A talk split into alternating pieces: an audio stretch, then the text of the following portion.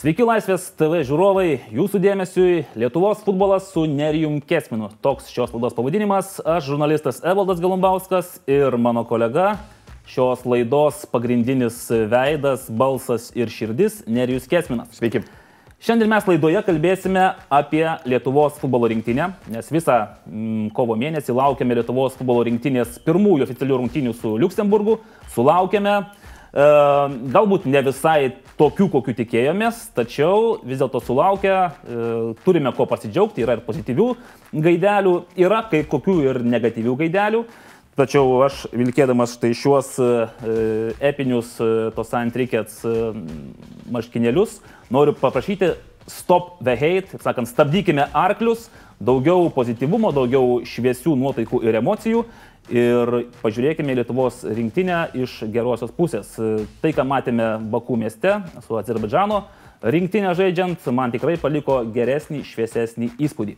Beje, ta proga, kad mes jau čia nais ir Laisvės TV vėl mūsų maloniai priėmė su Nerim Kesmenu, noriu paskatinti visus prisiminti 2 procentų GPM reikalą ir prisidėti prie Laisvės televizijos gyvavimo bei klėstėjimo, skiriant dalį savo gyventojų paimų mokesčių. Atlikau pareigą nerijau ir dabar mes galime imti jauti už ragų, taip sakant, ir eiti prie Lietuvos nacionalinės vyrų futbolo rinktinės. Kovo mėnesis. Kovo 12 dieną Valdas Urbanas, Lietuvos nacionalinės vyrų futbolo rinktinės vyriausias treneris, pristato trenerių štabą. Ir pristato to pačiu e, rinktinės kandidatų sąrašą. Jame yra keli nauji futbolininkai, keli futbolininkai grįžtantis po ilgesnės pauzės į rinktinę. Na ir taip pat treneris užsimena apie tikslus, e, kurių galimai sieks pirmose atrankos į Europos čempionatą rungtynėse su Luksemburgu.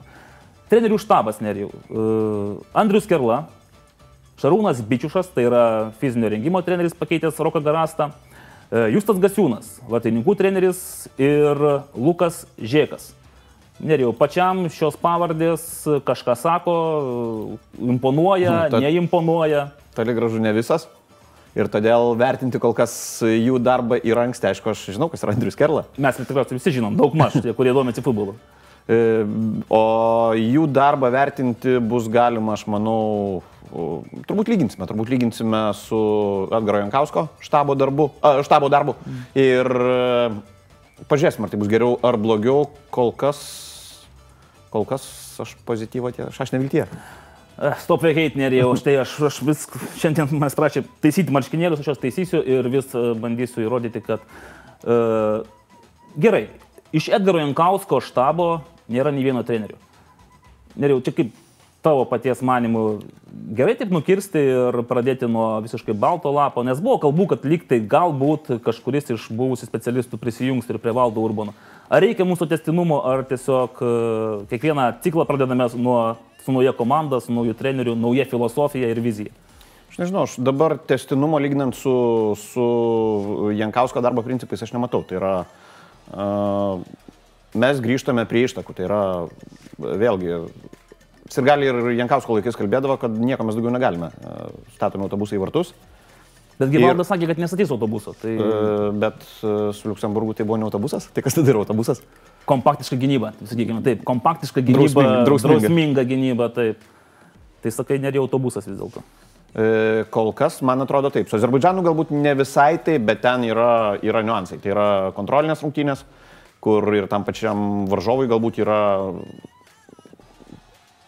sunkiau prisiversti, ne, nesakyčiau sunkiau prisiversti, galbūt e, e, psichologiškai visai kitas fonas. Tai yra, tai yra rungtynės, kuriu, kurias pralaimėjęs, kuriuose pralaimėjęs tu iš esmės nieko, nieko nepraloši, na išskyrus tai, kad jeigu sužaisi blogai, kitą kartą sėdėsi ant suolo. Na ir žiūrovai bus nepatenkinti. Gerai, Lietuvos nacionalinė vyrų futbolo rinktinė kovo 18 dieną susirenka į treniruočio stovyklą Vokietijoje. Tai yra kaip ir pirmoji pažintis treneriams, futbolininkams, e, kelios treniruotės. Kas mane šiek tiek nustebino, netikėtas galbūt sprendimas sužaisti kontrolinės, neoficialias tokias rungtynės su na, penktos lygos berots e, klubu. iškovota pergalė. Aš net nežinau, ar vertėjo apie tai rašyti ir skelbti, kad įveiktas varžovas e, po manto kuklio taikliai realizuoto baudos smūgio 11 metrų. Bet kuriuo atveju valdas Urbanas pasirinko tokią taktiką, kad ne tik tai treniruotis, bet ir pažaisti tokį draugišką sparingą. Detalių mes apie tą sparingą nežinome, treneris išbandė žaidėjus, e, iškovojo pergalę, jeigu taip galim pavadinti, nors ir nesigyrė tą pergalę. Ir perėjo į pasirengimo oficialioms rungtynėms fazę, rungtynės su Luksemburgu. Žinojame, kad e, rinktinės kandidatų sąrašuose yra keli nauji futbolininkai ir iš tų, vadinkime, naujų futbolininkų, tai Rimidas Sadauskas, Kauno Stumbro e, vidurio gynėjas. Kuris nesužaidė. Taip, kuris taip ir nesužaidė. Tai yra Justas Marazas, kuris pernai žaidė Tarkų komandoje ir pripažintas geriausiu jaunuoju Lietuvos futbolininku. Šiais metais jau kremta legionieriaus duona Lenkijos aukščiausioje lygoje. Ir Paulius Golubitskas, apie kurį mes nebejotinai dar šnekėsimės, nes šis jaunuolis, tikiu, turės ką pasakyti ir po metų kitų. Labai to tikime, Pauliau. Iš grįžtančių Saulis Mikoliūnas, Markus arba Mindaugas Palionis, jau kaip čia pavadinsim, nežinau, kaip jis pats norėtų save vadinti. Jis tarsi ir norėtų Mindaugu būti vadinamas. Vadinkime jį Mindaugu ir Vytautas Andriškevičius. Visus kitus daug maž žinome žaidėjus, tie patys žaidėjai, kurie žaidė ir pas Edgarą Jankauską. Štai šie, tie šeši nauji e, vardai, naujos pavardės, tie resursai, kuriuos valdas Urbanas žadėjo pasitelkti, kurdamas naują Lietuvos futbolo rinktinę. Ar tai tie žaidėjai, kurių nerėjau ir pats tikėjai, kad jie bus šiame atrankos cikle oficialiuose rungtynėse? Aš manau, kad bent tie, kurie žaidė ar, ar Luksemburgė, ar Azerbaidžane šiokią tokią laiko dozę gavo, jie visi įrodė, kad rinktinės yra verti. Apie Saulių Mikoliūną net nekalbu, tai yra abiejose rungtynėse tai buvo geriausias žaidėjas, nuomonė asmeninė visiškai, bet, bet e, galva aukštesnis už visus kitus. E, jaunimas, e, Justas Marazas labai neblogai ėjo rungtynėse su, su Luksemburgu. Buvo vienas aktyvesnių rungtynių pabaigoje, o Paulius Golubitskas, mano akimis, tiesiog nuostabiai debitavo Baku. Taip, kaip 19 mečiui išeiti startinėje rinktinėje sudėtyje ir užimti poziciją po polėjų. Ir svarbiausia, toje pozicijoje nepasimesti ir matėme, kad drąsiai imasi iniciatyvos, drąsiai žaidžia su kamoliu, taip pat dirba ir gynyboje, kabinasi į varžovą. Nors daug kas sakė, kad galbūt Pauliui pritrūkstos fizinės jėgos, galingumo, tačiau man asmeniškai to vis ir nesimatė. Angli, angliška, angliška mokykla turbūt, ten, ten uh, kirvažmogių, ketvirtose lygose kirvažmogių nemažiau negu Lietuvoje ir, ir turbūt dar geriau mokančių žaisti į kaulą. Tai dar pernai Paulius žaidė ir pirmoje lygoje, o pirmoje lygoje Lietuvos futbolo federacijos pirmoje lygoje taip pat niekas ypatinga technika nežyba ir jeigu ką, tai sugeba užėjti vyrai tenais į kaulą. Bet grįžkime prie uh, rungtynių su Luksemburgu. Saulis Mikoliūnas, beje, Saulis grįžta į rinktinę po kelių metų pertraukos, buvo nelabai reikalingas Edgarui Jankauskui, nors mano manimu pernai jau ir galėjo Saulis toje rinktinėje rasti, ką, ką veikti ir, ir rasti savo vietą. Ir jos sugrįžimas man tokia e, priminė Benjamino Zilkevičius pastebėjimą, kad e, vyresni futbolininkai yra reikalingi rinktinėje bent jau dėl to, kad jie gali savo patirtimi prisidėti siekiant rezultato. Ta prasme, tai jie galbūt nebus tie lyderiai, kurie nuo pirmos iki 95 minutės trauks komandą į priekį.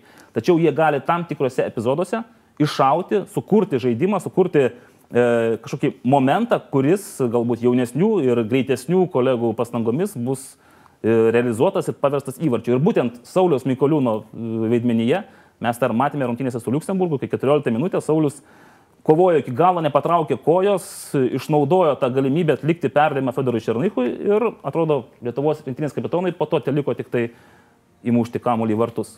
Paprasta viskas, iš, aišku, statokas kampas, tačiau įvartis 1-0. E, Nerijau pats tas rungtynės komentavai su kolega Pauliumi Jekeliu.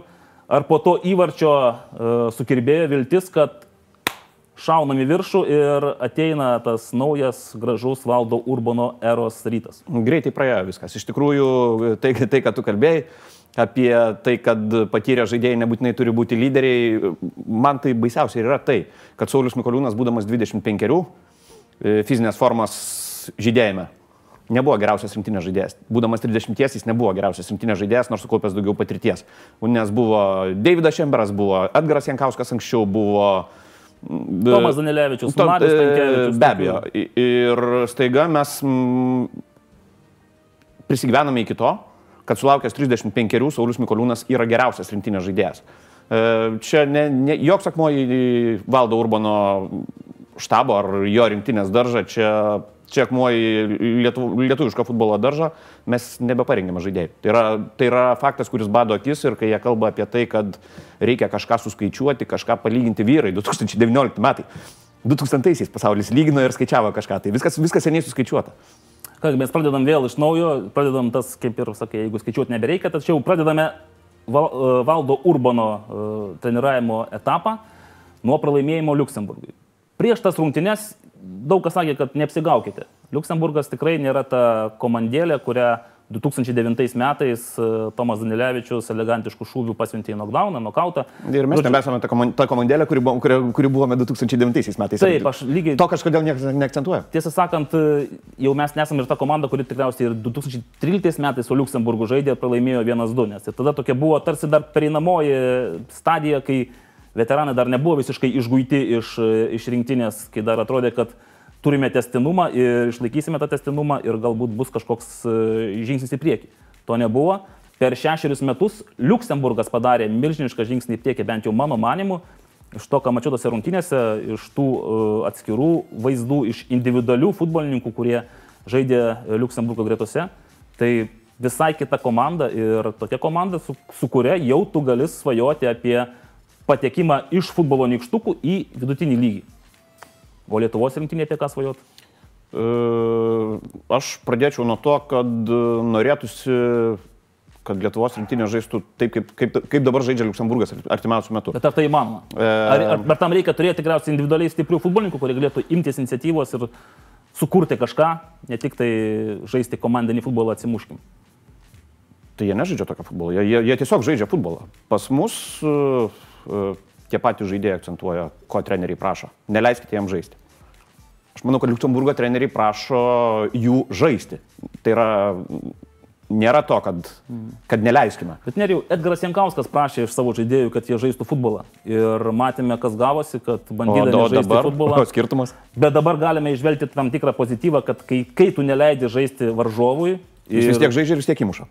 Taip, Liuksemburgas tai padarė. Tačiau Azerbaidžano rinktinė nesugebėjo pramušti lietuvių, sudvėjintos e, vartininkų e, gynybinės sienos, Emilijus Zubas ir Džiugas Bartkus.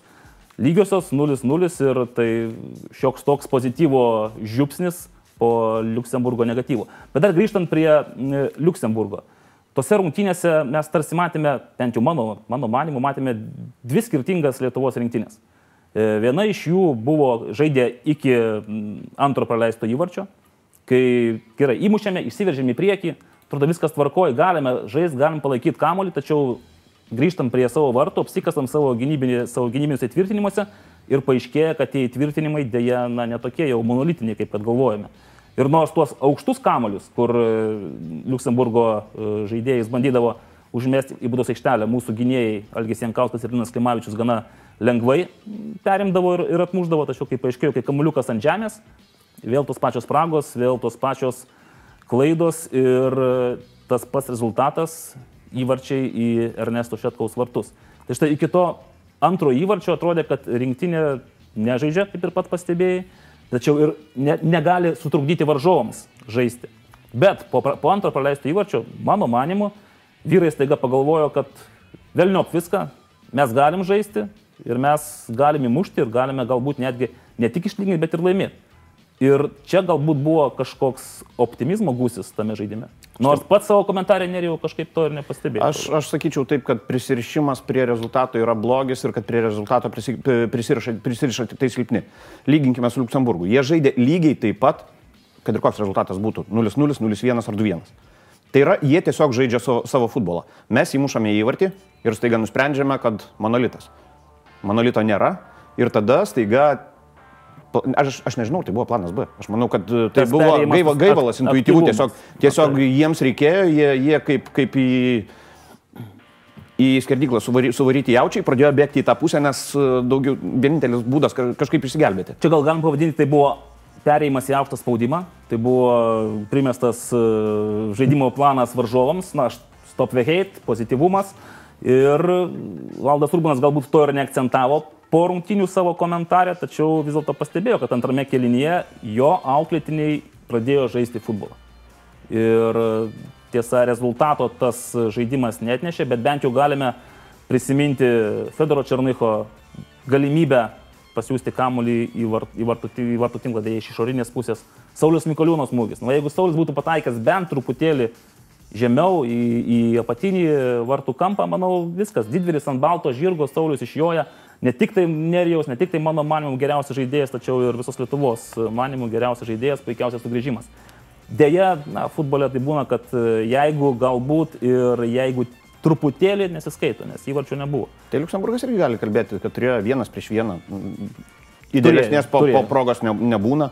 Ernestas Šetkus gelbėjo, tai yra mes kažkodėl prisimenam tas progas, kurios buvo prastesnės negu Luksemburgo. Mes jas prisimenam ir sakome, va, o jeigu būtume, o jeigu jie būtų. Būtų truputėlį netaip smagu, jau ne vienas du būtų, vienas trys, o gal ir vienas keturi. Bet kuriuo atveju, šiek tiek statistikos. E, Luksemburgas kontroliavo kamolį du trečdalius rungtinių laiko. Ar kada nors nerijau tikėjai, kad ateis toks metas, kai mes žaisdami su Luksemburgu žaisim be kamulio? Mm, ir prieš šias rungtynes aš nelabai tikėjausi, kad santykis bus toks, bet e, vėlgi matai vaizdą ir matai, matai tiesiog e, skirtumą tarp, tarp komandų lygių. Tai yra, jeigu mes e, anksčiau pralaimėdavome Farerams ar San Marinui, mes dažniausiai pralaimėdavome... Ne, ne, San Marinui mes niekada nepralaimėjome. E, atsiprašau, ar Liechtensteinui, taip, Liechtensteinui.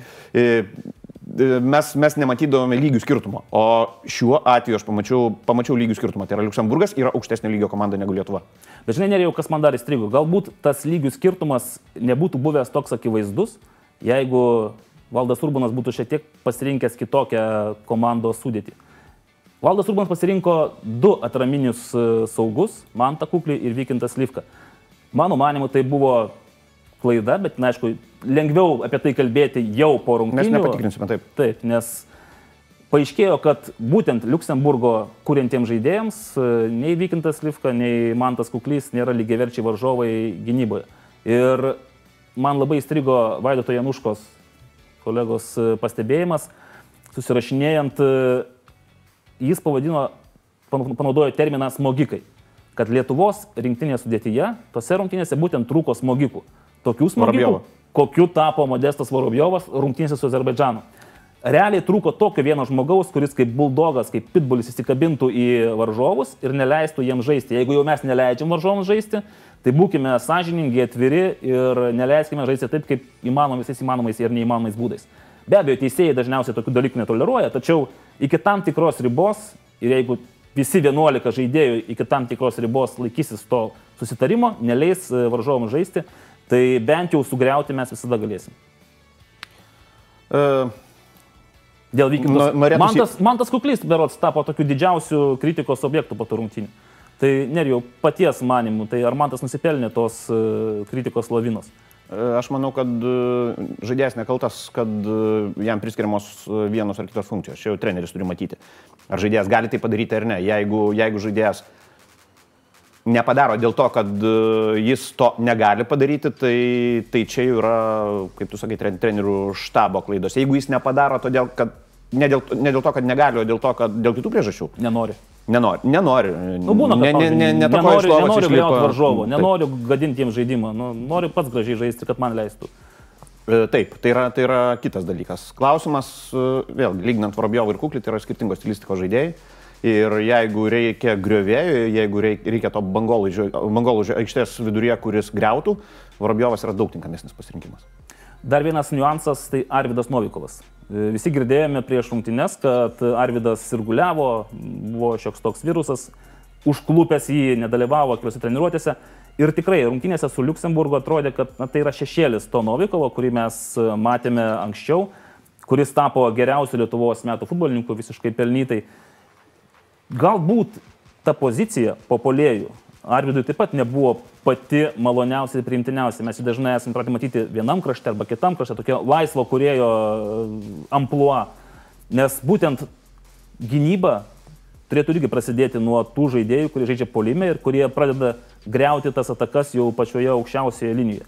Ir Arvidui Novikui, man regis, tose rungtynėse nepavyko nei sukurti, nei sugriauti. Tolbu apnuogino ir Manto Kuklio ir Vykintos Lyfkos e, griuvimo galimybės. Aš sakyčiau, tai mes negalime, negalime žinoti, kaip jis iš tikrųjų jautėsi. Jis veržėsi į kovą. Tai Na, jis tikrai norėjo. Tai, tai, tai yra taip, tai, tai, tai už tai galima tik tai girti.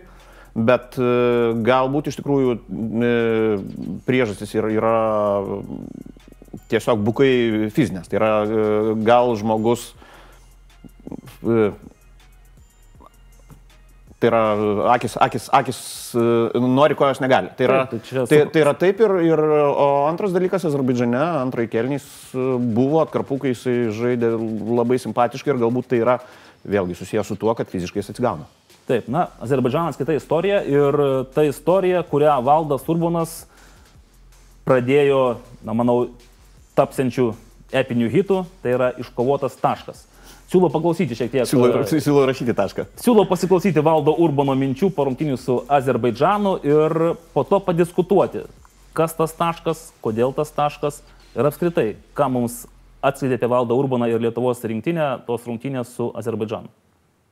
Nu ką, vis, vis, visų pirma džiaugiuosi su iškovotu tašku, tai, tai man asmeniškai labai svarbu tas, tas pirmas taškas prie rinktinės vairo, vadinkim. Kitas dalykas, noriu padėkoti ir žaidėjim už, už tą atsidavimą, už tą, už tą sakykime, ką, ką jie šiandien pademonstravo. E, manau, kad tikrai nusipelnėm to taško, tikrai ypač, ypač pirmam kelnį pavyko primesti savo žaidimą neduot varžovam jokių erdvių, neduot, neduot reiškia, labai disciplinuotai gynėmės ir, ir, ir pavyko gerai gintis ir, ir, ir išėjimai, ir, ir į ataką buvo pakankamai geri. Kitas dalykas, kas, kas irgi pavyko, kamulio, kamulio laikymas, kamulio kontrolė, pozicinės atakos, tai, tai irgi, irgi manau tas, tas dalykas, apie ką mes kalbėjom visą pastarąją savaitę, tai irgi, irgi manau, kad akivaizdžiai turėjo bent matytis tai, tai tas, tas aišku, aišku tvarkoj. Taigi, išgirdome valdą Urbaną, e, kolega Nerijus Kesminas e, šypsosi į ūsą. Įdomios mintis. Na gerai, taškas. Iškovojame tą pirmąjį tašką. E, dabar daug kas spėlioja, ką valdas Urbanas norėjo pasakyti, ką jis turėjo omenyje, sakydamas, kad iškovojame tašką.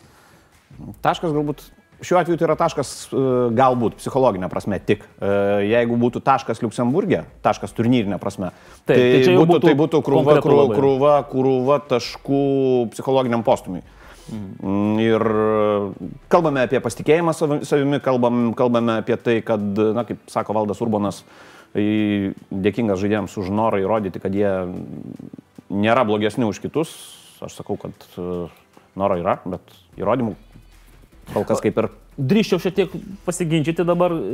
Man apskritai rungtynės su Luksemburgu paliko tokios neįsipildžiusios vilties pojūtį, nes iš tiesų mažiausiai noriu po rungtynių, kuriuose žaidžia Lietuvos rinktinė, vartyti internetą ir domėtis, tai kasgi tie nuostabus futbolininkai vilkėja kitos spalvos marškinėlius, kasgi tie talentai taršia Lietuvos rinktinės e, gynybą. Jeigu tai būtų portugalai, serbai arba ukrainiečiai, tai to nereikėtų vartyti. Nereikėtų vartyti, žinočiau. Dabar teko domėtis ir, ir sukti galvą ir aiškintis, kokiuose klubuose tie žaidėjai e, žaidžia ir panašiai. Po rungtynės su Azerbaidžanu man tokių klausimų nekilo. Aš iš tiesų nelabai ir atsimenu, kas tenais vilkėjo tos kitus marškinėlius.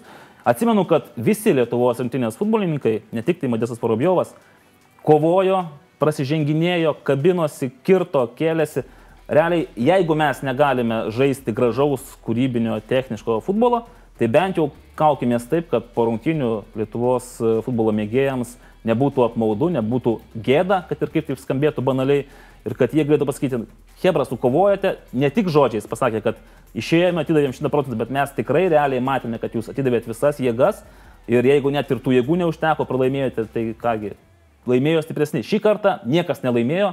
Ir aš e, su Valdu Rūnu tik tai galiu pasakyti tam tikrą tokį pasidalinti tą pozityvę gaidą, kad Po pralaimėjimo Luksemburgui ši, šios lygiosios su Azerbaidžanu yra tokia nedidelė moralinė pergalė. Pozityvas, visiškas pozityvas. Jiems, jiems to reikėjo, jiems reikėjo bent jau nepralaimėti, nes kažkaip reikia, reikia vis tiek susigražinti, su, su, susirankėti bent jau tos pasitikėjimo savimi likučius.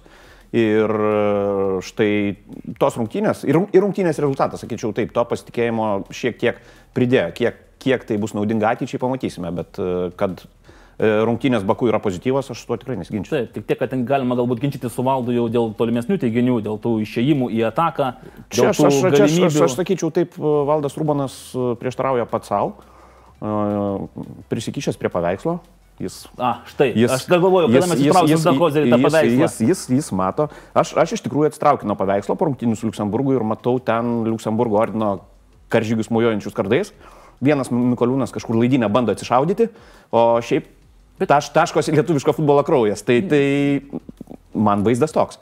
O ten prisikišęs, kad kažkas atidavė kažkam perdavimui ir ten vienas į keturis centre kažkur tai iš jo patotėme, vadinti tai išėjimu į, į polimą gerai, jeigu mes tai vadiname išėjimu, išė, išėjimu į ataką, Išėjimai yra, atakų nėra. Taip, dėja, dėja.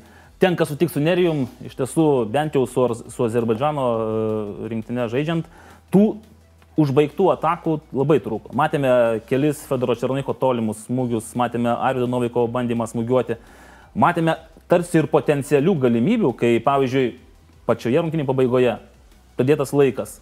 Lietuvos rinktinė staiga tikriausiai savo pačiai šiek tiek netikėtai pradeda dominuoti su kamoliu pradeda sukti viražus aplink e, varžovų būdos aikštelę ir tarsi matai, matai, kaip žaidėjai pradeda galvoti, o ką toliau daryti.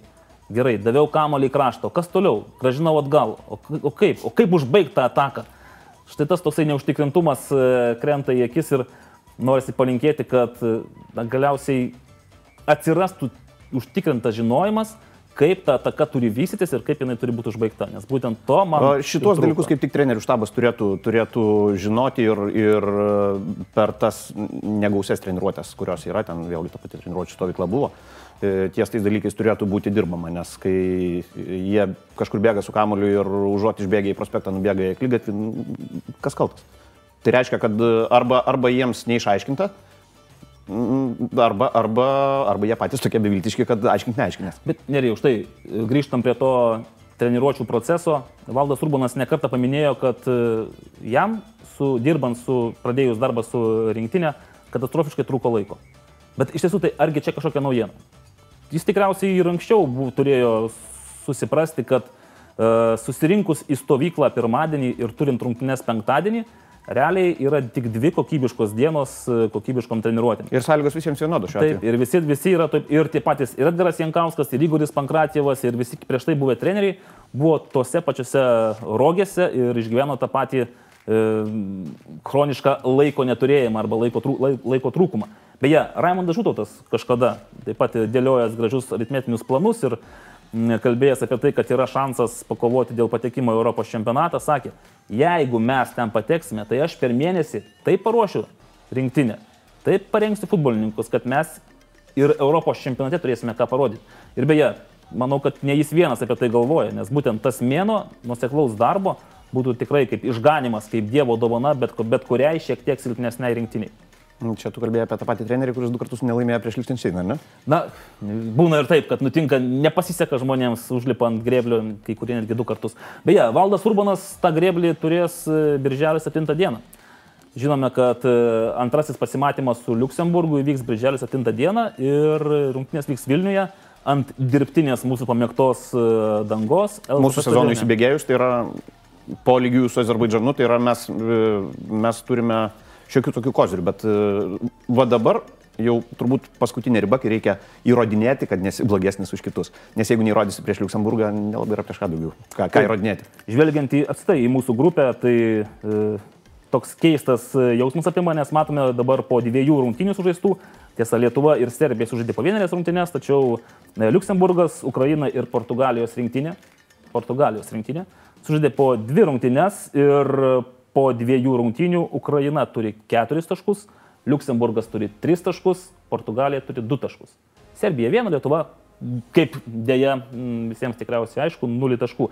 Ir kalbant apie... Uh, tai nieko blogo nevyko, reiškia, pralaimėjome vieniems grupės lyderių išvykoje.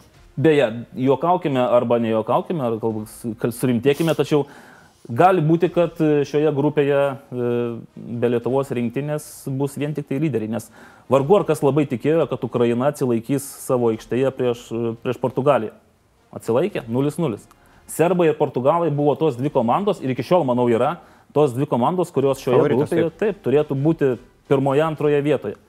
Tačiau po to, kai Luksemburgas 93 minutės kapojasi su ukrainiečiais ir tik tai per trečią pridėto laiko minutę praleido, tiksliau įsimušė savo tą nesėkmę nulėmusi įvartį, da, kyla tokių klausimų, kad e, galbūt šiais metais šioje grupėje mes tų pergalių ir neišvysime, Lietuvos rinktinės pergalių. Ir būt, tikrai bus pozityvas, jeigu sugebėsime išplėsti tašką arba du taškus iš Luksemburgo arba Ukrainos rinktinių. Abeje, serbai, portugalai, nerijau. Ar tie varžovai, iš kurių galim išplėšti tašką? O serbai tą klausimą, man atrodo, jau atsakė visai neseniai. Tai čia buvo pernai, tai buvo visai kita istorija ir visai kita Kiti- kiti treneriai taip, mhm. Kiti treneriai ir beje žaidėjai visai kiti taip pat. E, nemanau, kad tai yra labai realu. E, Serbijos, Portugalijos atveju iš tikrųjų taškai, kuriuos mes galime žvejoti, mano akimis yra namai su Luksemburgu ir galbūt su Ukraina. Taip. Kągi, dedame tašką ant Lietuvos nacionalinės vyrų futbolo rinktinės ir norime tik tai pasakyti, kad stop the hate, daugiau pozityvumo. Nerijus Kesminas e, savo komentaruose, manau, išsakys savo oficialią nuomonę. Sekite Nerijus Kesmino blogo įrašus, tenais visada yra apie ką pakalbėti ir apie ką pamastyti.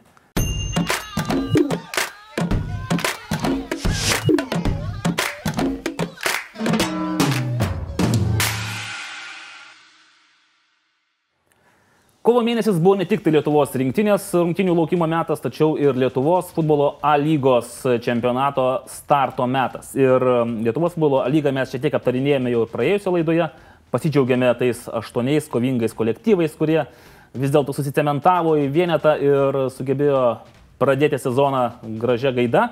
Tai šiek tiek apie tą sezoną. Trys turai. Sužaisti trys turai ir artimiausias turas įvyks jau šį savaitgalį ir apie tai mes pakalbėsime e, šiek tiek vėliau. Tačiau pirmieji trys turai ir pirmosios e, galbūt išvalgos arba šiokios tokios e, staigmenos ir pastebėjimai. Nerijau, trys lyderiai - Sūduva, Žalgeris ir Stumbras. Kažkas čia nais ne savo vietoje ar vis dėlto paties manimu viskas ok. Aš nesakyčiau, aš sakyčiau, kad mes vis dar turime ketvirtą, tarkime taip. Kas pas mus ketvirtų numerių eina? E, riteriai. Bet jie turėjo sunkiausią tvarkaraštį iki šiol, jie sužaidė su, visom, su visomis trimis viršutinėmis komandomis ir dviem iš jų nepralaimėjo. Tai reiškia, kad reiškia paprastą dalyką, kad iki rato pabaigos jie žais tik su tomis komandomis, kurios potencialiai už juos turbūt silpnesnės. Tai yra, jie į ketvirtą turėtų grįžti, o tai, kas, tai, kas yra pirmajame trejete, nestebina ir pirmiausia nestebina tai, kad taškų kažkodėl nestebina, kad taškų nebarsto būtent suduva. Tai yra ir Žalgeris, ir Stumbras riterių neįvykė, o, o suduvai tai pavyko padaryti ir aš vėlgi tai siečiau su įdirbiu, su know-how, tai yra Vladimiro, Vladimiro Čiabūrino tas sukurtas išpuoselėtas, sakykime, tai projektas, ne, ne jis vienas, aišku, įkūrė, bet, bet jis yra veiksnus ir čempionatus, čempionatus laimi tie, kurie nebarsto, ne tie, kurie laimi tiesioginės, daug tiesioginių dvikovų su, tai yra dvikovų su tiesioginiais konkurentais, bet tie, kurie nebarsto, kol kas nebarsto su duo. Tai man taip ant liežuvių gavo tokia sukasi banalinų valkėta frazė, kad tai yra čempioniško žaidimo pavyzdys, kai tu net ir nežibėdamas, galbūt nepersistengdamas, tačiau renki taškus ir renki maksimaliai įmanomų greičių, nes štai prieš ryterius laimėta 2-1 ir šiaip teko pakovoti. Ir Aurelijaus Karbaliaus jaunimas, jeigu ten taip galim pavadinti, su išimtim kai kuriuom tikrai pasipriešino čempionams ir pasipriešino labai rimtai. Kauno Žalgiris įveiktas 1-0, na tik Klaiptos Atlantas buvo ta tokia lengvesnė antytė, lengvesnė, lengvesnis grobis, kurį sutrybė 5-0. Ok, e, Žalgiris ir Stumbras. Po septynis taškus ir kokie įspūdžiai, tarkime, iš Žalgerio komandos. Žinom, kad jų kelias kol kas buvo lengvesnis, nes pradėjo nuo palangos, pratėsi panevežių ir po to jau šiek tiek užlipo ant grėblio žaisdamas su riteriais. Ten galėjo būti ir blogiau, ten prisiminkime, kad Rolandas Bravykas rezultatą išlygino visiškai rungtynėms Jau kas, kas, bet Rolandas neleis to pamiršti, nes e, tikrai pademonstravo, kad turi labai smagią kairę koją. Ir e, iš tikrųjų aš dar vis dar esu, esu, esu toje stadijoje, kai nelabai ne, ne nelabai turiu nuomonę apie žalgrį. Aš, e, pavyzdžiui, nelabai įsivaizduoju, kokie jie bus po mėnesio ar po dviejų, ar jo labiau antroje sezono pusėje, kai bus e, rimti reikalai. Tai yra jų, ir jų, jų kūryba, jų, jų tas komandos libimas, e, jis, jis vyksta ir dabar. Jie vėlgi Įsigijo, įsigijo taip, įsigijo naują polę. Ten suprantama, kad jiems toje grandyje reikia, reikia žaidėjų ir reikia... Bet Tomislavas Kišas parodė, kad jis moka muštyvačius. Keturi E- įvarčiai kol kas lyderiauja snaiperių lenktynėse. Taip, bet, bet su vienu polėjui tu irgi negali važiuoti visą sezoną. Tai, tai yra, gali būti ir traumų, gali būti ir, ir nuobaudų, gali būti... Osvaldas Šipkus tikriausiai ne tas dar žaidėjas, Šipkus kuris- dar, dar jam ankstoka, turbūt taip. Tai yra, kad jiems ten reikia, taip, jie, jie, jie lipdosi dabar ir iš tikrųjų tai yra lenktynė su laiku. Juolab, kad kalbėjome prieš sezoną apie tai, kad Marekas Zubas irgi atsidūrė, kaip ir Valdas Urbanas galėtų sakyti, trūksta laiko, jis to nesako, bet, bet šiuo atveju, va, va, klu- klubinio, klubinio futbolo atveju, iš tikrųjų tas laikas yra skaičiuojamas kitaip negu rinktinėse. Ir, abejo. ir, ir Zubui laiko iš tikrųjų trūksta. Klausimas, kiek, kiek nuostolių Žalgeris patirs iki to laiko, kai ateis, ateis stadija laimėk arba mirk. kai, kai nebebus kur trauktis ir reikės ištraukti tą triušį iš kepurės. Kaunas Tumbras. Na, man asmeniškai kauniečiai buvo didžiulė myslė prieš sezoną. Mes apie tai kalbėjome, kad išėjus Pauliui Jekeliui praktiškai nebeliko jokios komunikacijos klaidos ir galėjom tik spėlioti, ką veikia futbolininkai, kas treniruos komandą. Likus keliom savaitėm sužinojome, kad vis dėlto yra gana solidus brandolys futbolininkų, kurie jau kelis metus žaidžia Stumbro gretose.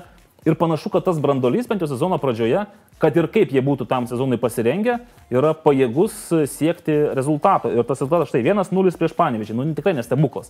1-0 ir tie, kurie matė rungtinių įrašą, gali pasakyti, kad Stumbras ten nebuvo dominuojanti jau taip ryškiai komanda, bet laimėjo 3 taškai. 0-0 su Riteriais ir 2-0 prieš Atlantą. Tokie rezultatai tarsi ir neįspūdingi, tačiau taškų prasme kraitis surinktas gan solidus. Ten vėlgi mes kal- kalbame apie tai, kad išėjo Marijanų baretų, bet tai yra labai saliginis išėjimas, aišku. Tai yra, aš manau, kad... Ant solelio jo nėra, tarkime, E, bet... Taip, aš manau, kad tie patys agentūriniai dalykai liko, tai yra žaidėjų selekcija yra ta pati, kuri ir buvo, ji nėra bloga, mes vėlgi jų lyderius, tarkime, Lukas Avilėlą mes galime, galime vadinti vienu- Levanas Mačiarašvilis. Taip, mes, mes jūs galime vadinti vienais geriausių lygos žaidėjų sezono pradžioje.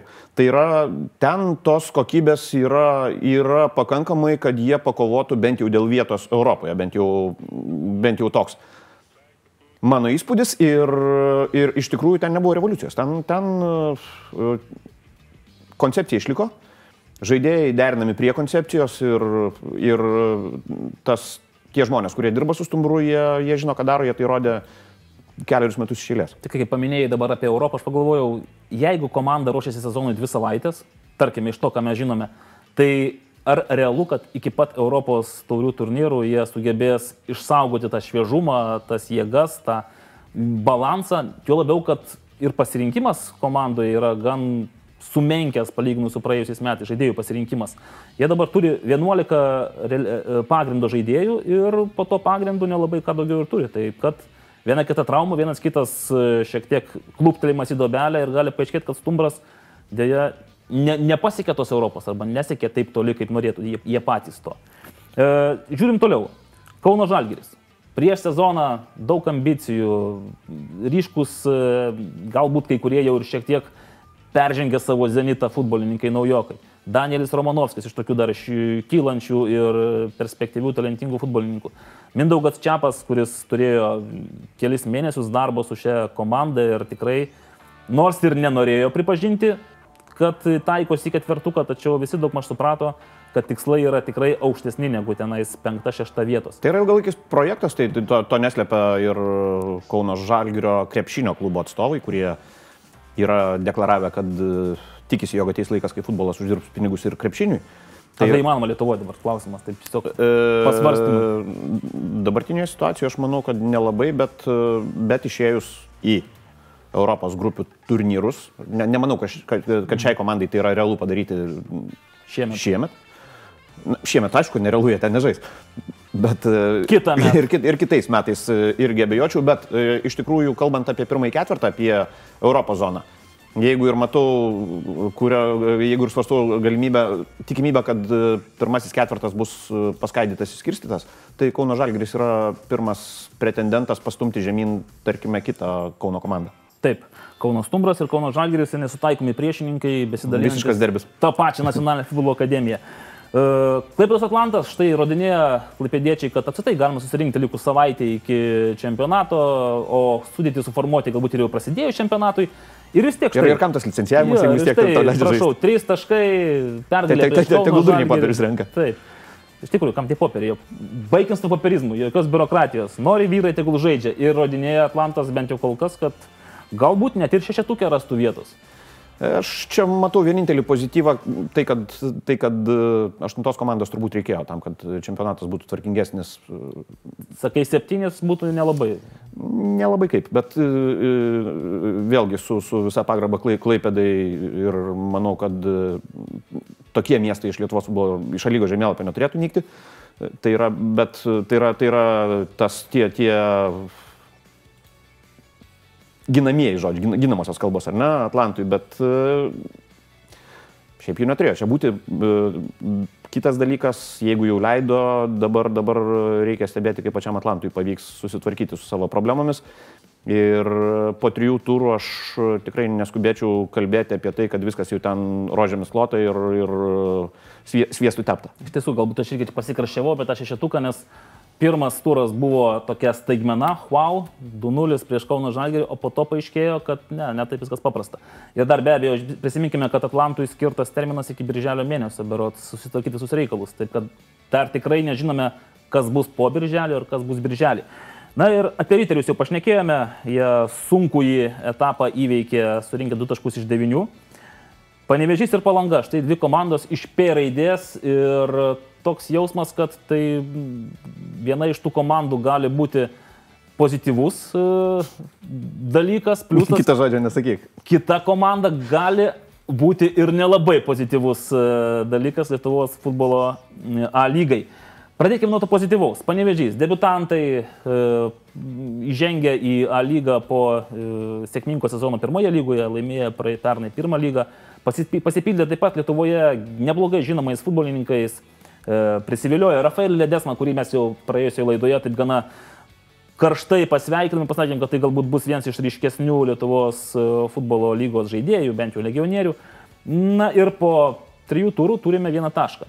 Vieną tašką tą patį paimtą rungtynėse su palanga. Ar galbūt šiek tiek paskubėjom su to ditirambais panevežiui? Aš nežinau, aš, aš e, tikiu, kad su jais viskas bus gerai. Tai yra, pirmiausia, tai yra panevežys. Antras dalykas, jie, tai kad tu pastebėjai, jie pritraukia nemažai žinomų žaidėjų ir atkreipdėmėsi į tai, kad didžioji dalis yra kilę iš panevežio, tai yra, tai yra patriotizmo momentas ten, ten yra labai stiprus ir už savo miestą jie kovos, kaip išprotėję. Bent jau, bent jau teoriškai mes turėtume taip, taip svarstyti. Norėtųsi apie tai. Na, taip, taip ir, ir, ir vėlgi jie po ekrano subirėjimo jie labai nuosekliai siekia savo tikslų. Uh, Pradėjo nuo griuvėsių, bet iš tų griuvėsių kažkoks tai pamatas sulibdytas ir dabar lieka tikėtis ir aš netgi sakyčiau, reikia manyti, kad žingsnis po žingsnio nereikia, nereikia norėti iš jų stebuklų. Bet žingsnis po žingsnio aš manau, kad jie, kad jie įsitvirtins ir A lygoje ir ateityje e, Kas ten žino, miestas su tokiamis tradicijomis, jis gali ir vėl turėti gerą komandą, jeigu, jeigu susiklostys. Šiaip žinom, tų vadinkime, pavyzdžių debutantų, kai ta pati Jonava debutuodama arba e, Palanga debutuodama demonstravo gana kokybišką įdomų futbolą ir tikrai nebūdavo patrankų mėsa.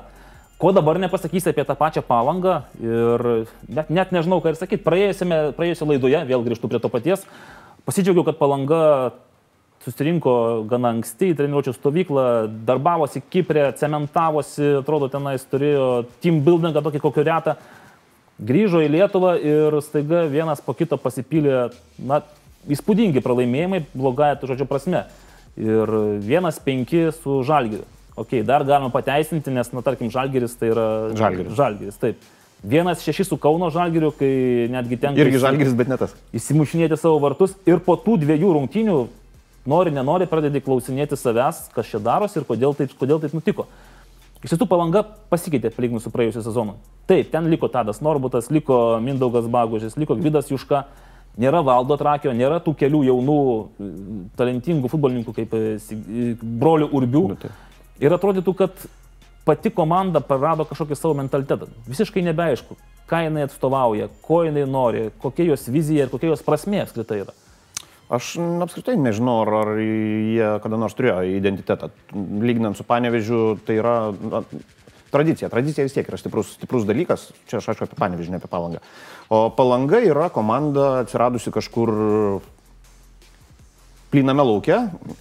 Na, gerai, buvo, buvo pirmos lygos e, nebloga komandėlė, tenais žaidė. Taip, taip, bet, bet, e, bet tai irgi yra be pamato, tai yra tos permainos cementavosi, tai cementavosi, bet tai vis tiek yra nauja komanda. Tai, yra, tai nėra suduva, kuri cementuojasi ir stiprinasi trejus ar ketverius metus išėlės. Tai yra, tai yra komanda, kuri tik tai pradeda pratinti žaisti kartu.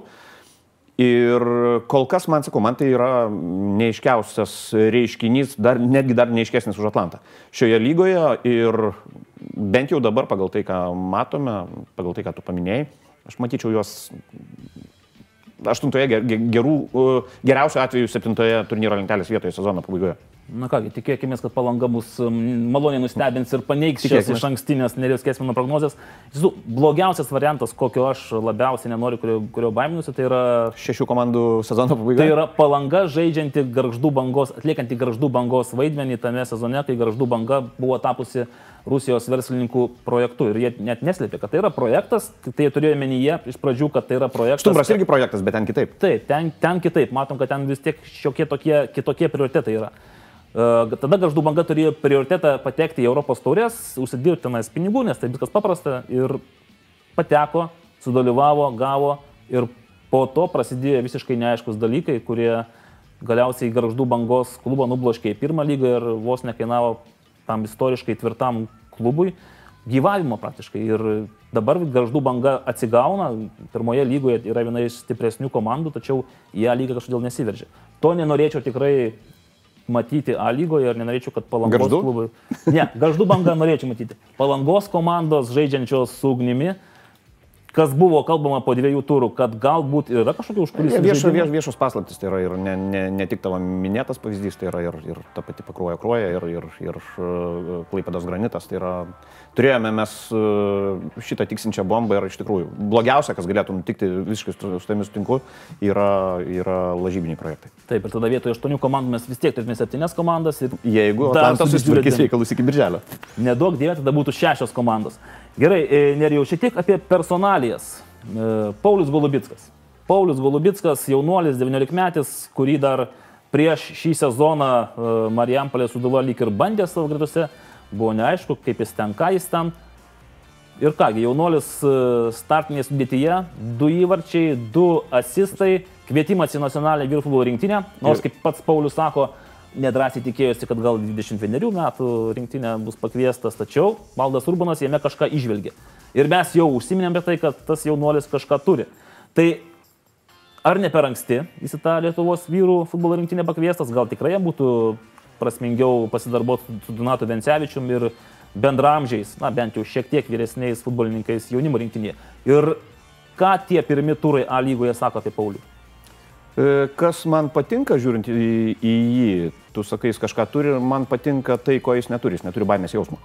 Tai, Praradęs ar neįgyjęs? E, nežinau, gal dar nespėjo išsigąsti. Okay. Tiesiog gal, gal, gal dar, dar, dar nesuvokia, kad jau reikia pradėti bijoti.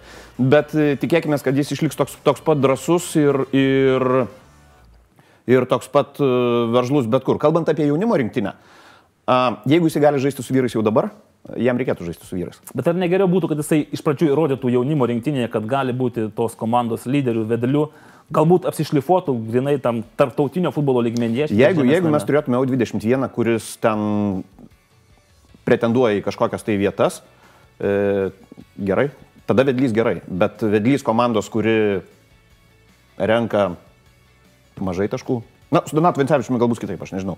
Na, jie Kauno Bet, Stumbrą nugalėjo pirmose kontrolinės rungtynėse. Tai... Taip, e, tai yra, jeigu pralaimi, gerai, sakykime, kaip yra dabar, jeigu pralaimi pirmą rinktinį ir pralaimi U21, koks skirtumas, kuriam pralaimėti?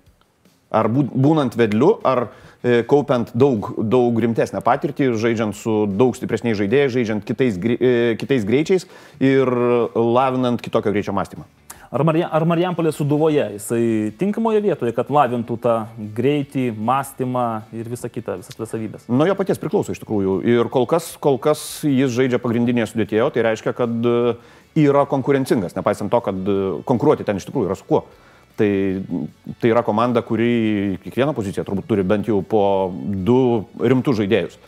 Tai yra Manau, kad kol kas jis toje, toje stadijoje, kai viskas priklauso nuo jo paties. Jeigu, jeigu paaiškės, kad e, ten mes jau pastebėjome, kad Valdas Urbanas nėra, nėra e, suduvo žaidimo modelio gerbėjas. Na, bet jau jis pats taip sakė. Jis, jis pats taip sakė. Tai, tai yra, ir ir jeigu, jeigu paaiškės, kad e, suduva yra kliuvinys Golubickui tobulėti kaip, rinkti, kaip rinktinė žaidėjo, aš nežinau, vėlgi jis sprendžia jis pats. Tai yra, tai yra, jeigu žaidėjas geras, aš manau, kad e, ypač mūsų sąlygomis, jeigu žaidėjas geras, jis gali žaisti bet kur, e, bet kuriame klube rinkinys vis tiek bus. Neriu, toks pastebėjimas. E, Valdas Urbanas paklaustas spaudos konferencijoje apie pasirinktus žaidėjus, kandidatus į Lietuvos rinktinę, užsiminė, kad kalbėjosi ir su Gratus Sirgėdu. Ir štai galbūt Gratas Sirgėdas yra tas pagrindinis konkurentas Paulius Golubitsko. Nebejotinai taip. Nes jeigu Gratas sakė, buvo šiek tiek traumuotas, turėjo gal kažkokių problemėlių sveikatos, todėl atsisakė kvietimo arba negalėjo atvykti į rinktinę. Da, natūralu, atsivėrė duris išmėginti Paulių Golubitską. Bet jeigu yra Gratas, jeigu Ovidijus Verbickas, mano manimu, taip pat tikrai vertas to kvietimo ir šansų žaisti rinktinėje. E... Gedrius Matulevičius. Taip, tai, va, tai tikriausiai šiek tiek apspręstų paties Pauliaus likimą ir galbūt leistų jam realizuoti savo potencialą U21 rinktinėje. Jis konkurencinėje terpėje iš tikrųjų ir jeigu jis ne, nebus pagrindinės suduvos e, sudėties žaidėjas, į rinktinę jo tikrai niekas nekvies, bet e, žaidėja turinti e, tokį talentą kaip Paulius Golubitskas, U21 jo nematyti negali tokiu atveju. Kągi, ankstyva prognozė, nerijau, Paulius Golubitskas 19 metų Lietuvos geriausias jaunas žaidėjas. Hm. Jau dabar? Ne per drąsu? Žiūr, žiūrint, taip, per, per, per anksti, aišku, aišku, per anksti, bet žiūrint į dabartinę situaciją, žiūrint į tuos jaunus žaidėjus, kuriuos mes turime A lygoje, jaunus lietuvius vienareikšmiškai taip. Legionieriai. Tos Saint Rickets, Stop the Hate, Pray for New Zealand, manau visi žinote, ką tai reiškia. E, ne tik tai šitą reiškia. Ką turėtum sušokti? Ne tik tai išreiškia savo pilietinę poziciją, aš tikiu, kad tai yra pilietinė, žmogiška pozicija. E, tai yra nuoširdų. Taip. Ir dažnai futbole to nebūna, aš nežinau, ar dėl, ar dėl to, kad galbūt futbolininkai bijosi kažko, galbūt nenori to dėmesio, nesugeba išreikšti savo minčių ir pozicijų aikštėje. Užsienyje mes matom, Lietuvoje tokių pasireiškimų na, būna labai retai ir galbūt man toks vienas iš ryškesnių dabartinis. Tačiau jis ne tik tai e, išreiškia savo save šiais marškinėliais, Tačiau ir rodo, kad gali būti suduvos atakų lyderių ir suduvos vedlių. Taip kad galbūt tai irgi yra legionierius, kuris e, po sezono, sakysime, kad tai vienas iš geriausių Lietuvos futbolo istorijai legionierių.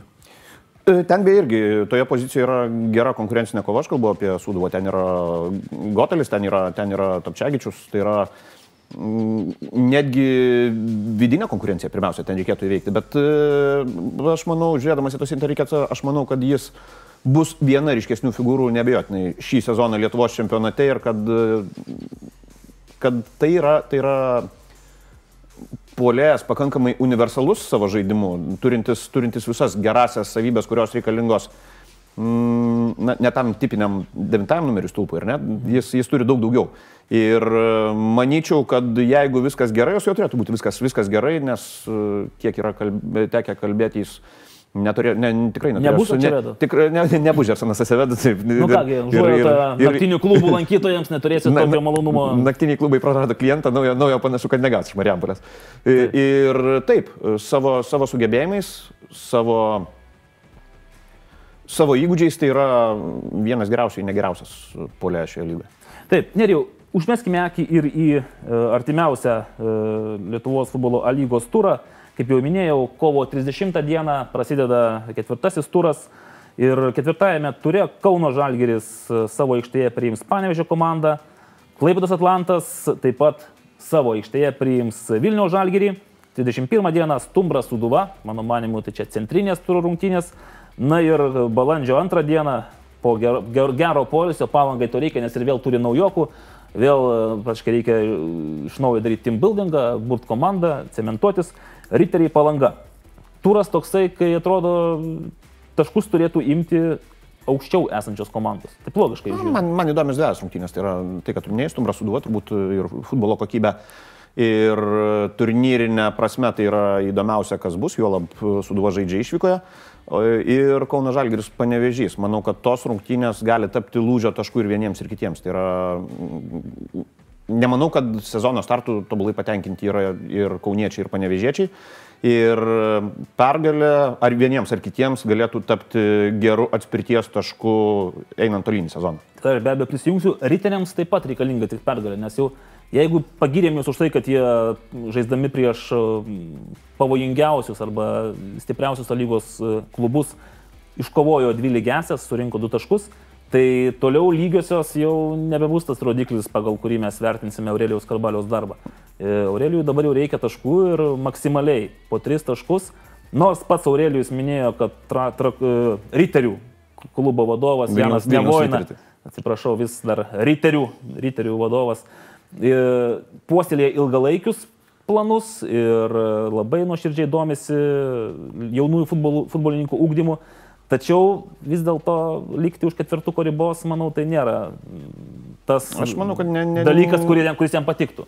Manau, kad savininkas taip neturėtų, neturėtų būti patenkintas ir manau, kad, aš nežinau, ne, ne, negirdėjau jų viešai deklaruotų tikslų, bet manau, kad ketvirtas jiems yra kaip...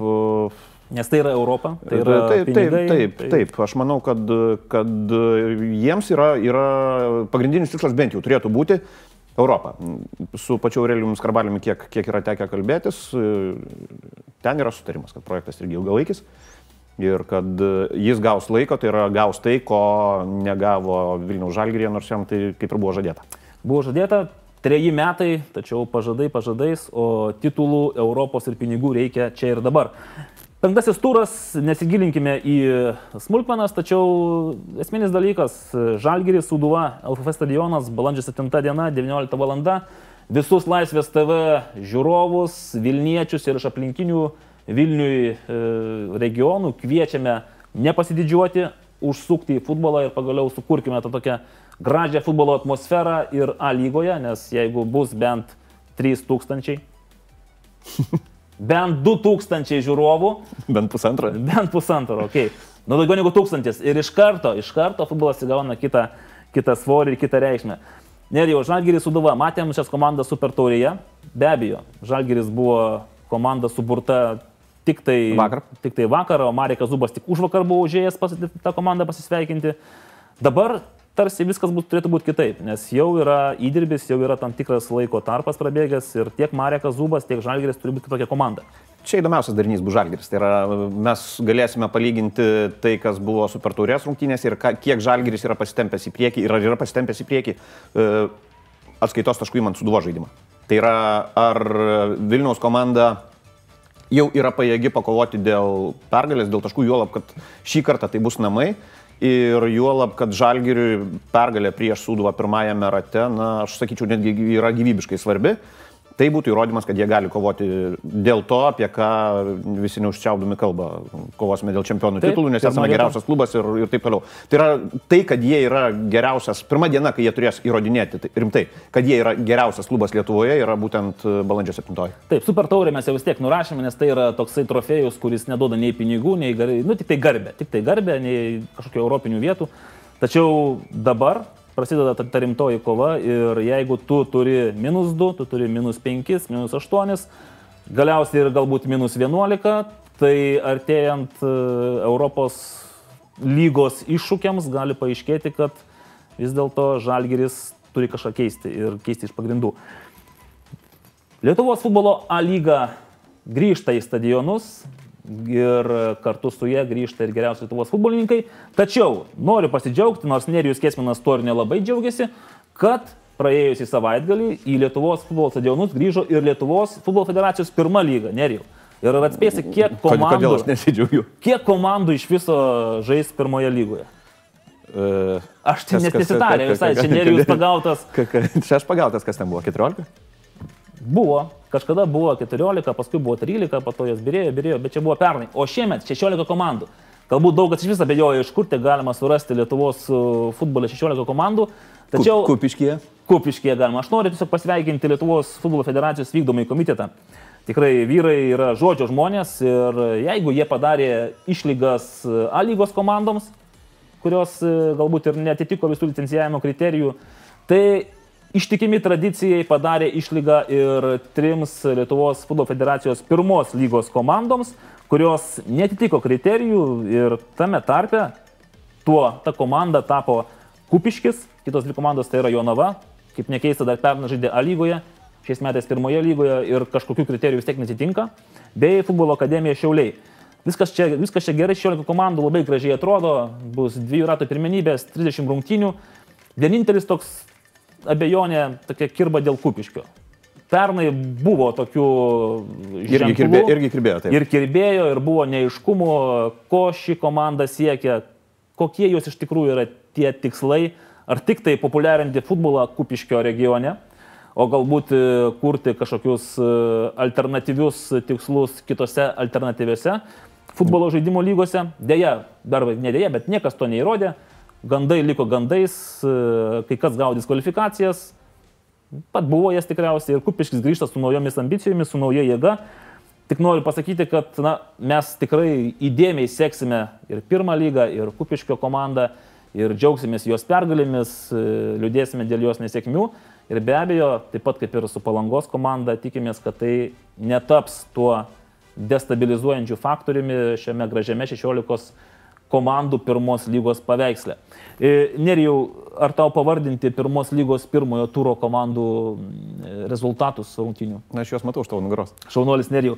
Kągi, rezultatų mes galbūt ir pernelyg nevardinsim, tiesiog e, domėkitės futbolu, domėkitės A lygą Domėkitės pirmą lygą, netrukus startuos ir antros lygos pirminybės ten taip pat. Ir klausiu manęs, kiek ten komandų žaidžia? Taip, niekas nežino, kiek ten tų komandų žais, aš paklausiu, nes iki šiol net kol kas vykdomasis dar nepriėmė sprendimo dėl išlygų, bet manau, kad tenais irgi priims sprendimą, suteiks šansą.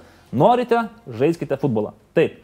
Gerbėmėjai, Laisvės TV ir Lietuvos futbolas su Nerijum Kesminu tarė jums padėkos žodį. Aš, Evaldas Galumbauskas, noriu atsisveikinti. Priminti jums, kad yra 2 procentai GPM, kurį jūs galite skirti Laisvės TV ir Nerijus Kesminas e, pasidalins savo išvalgomis dar kartą ir dar kartą ir dar kartą. Na, o mes tikiuosi dar turėsime ne vieną galimybę kalbėtis apie futbolą ir apie Lietuvos futbolą su Nerijum Kesminu ir su jumis Laisvės TV eteryje.